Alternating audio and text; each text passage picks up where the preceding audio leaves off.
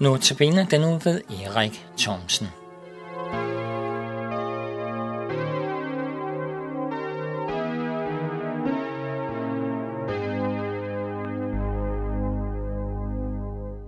Det er et ord, vi skal tale lidt om i dag her. Det der med at være en tvivler. Det der med at tvivle. Det er jo nok noget, vi ikke sådan taler så meget om, men noget, vi, jeg har i hvert fald, og jeg har også mødt mange, som har det inde på livet, dette med at tvivle. I denne uge, der har jeg jo nogle andagter, som handler om møde mellem Jesus og os mennesker, og i det, der ligger også det, at Jesus møder mennesker, os mennesker, som indimellem, ja, jeg må også være ærlig at sige, ofte tvivler.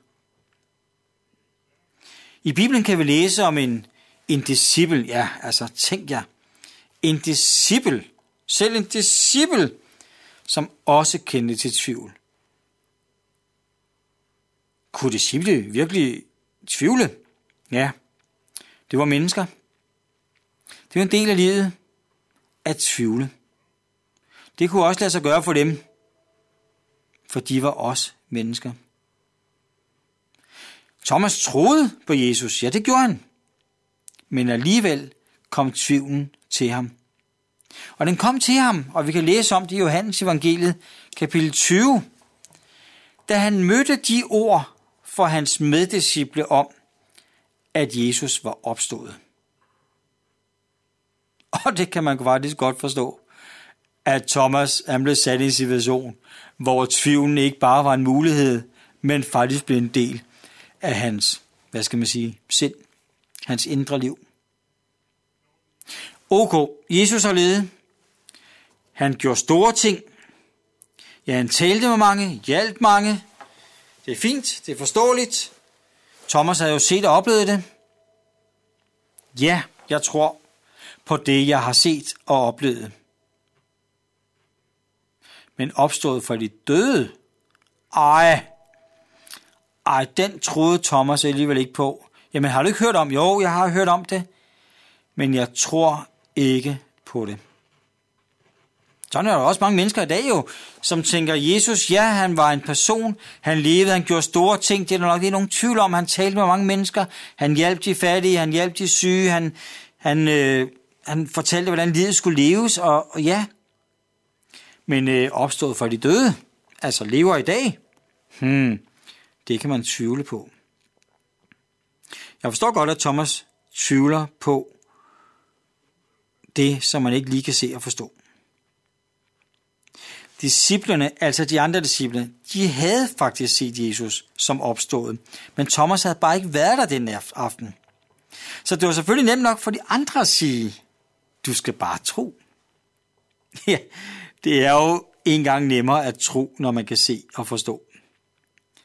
Men på den anden side, så handler det jo så pludselig ikke så meget om tro mere. Når vi har med Gud og Jesus at gøre, så er det ikke altid lige sådan til at se og forstå. Det handler meget om at tro. Men tro er for mig ikke et eller andet abstrakt, uvirkeligt noget, som hænger og flagrer i et eller andet. Tro er for mig et håb. Men det er et levende håb.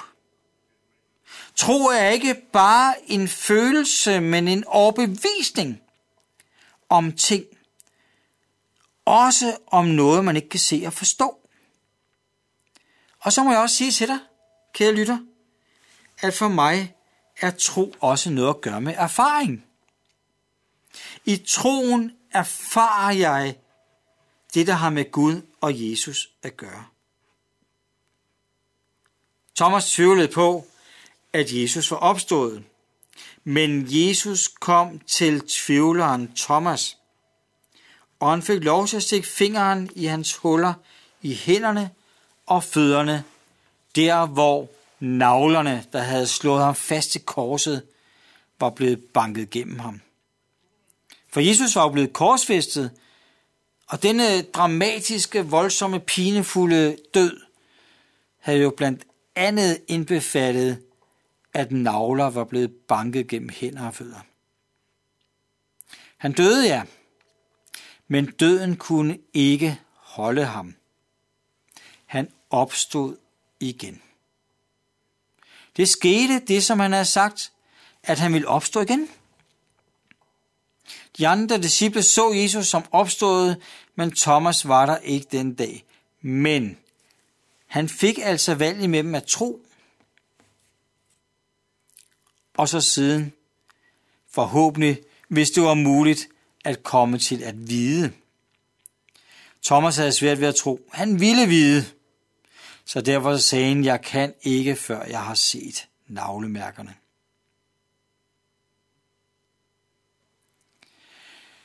At tro handler om at tage et skridt ud over det uoverskuelige. Det har jeg mange gange taget. At tro handler om at tage skridt i det uvisse.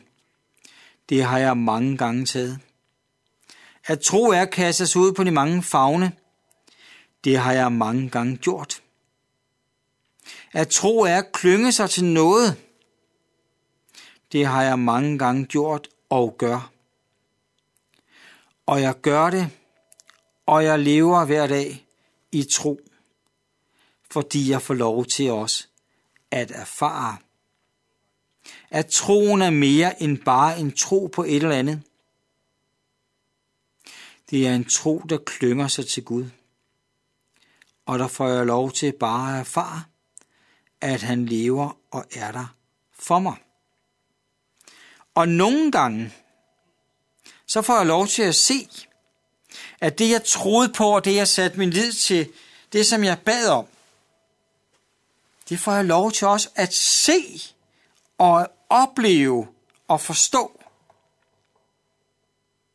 Men andre gange, og meget ofte, så kan jeg ikke se det med mine øjne, eller nødvendigvis lige forstå det med min hjerne.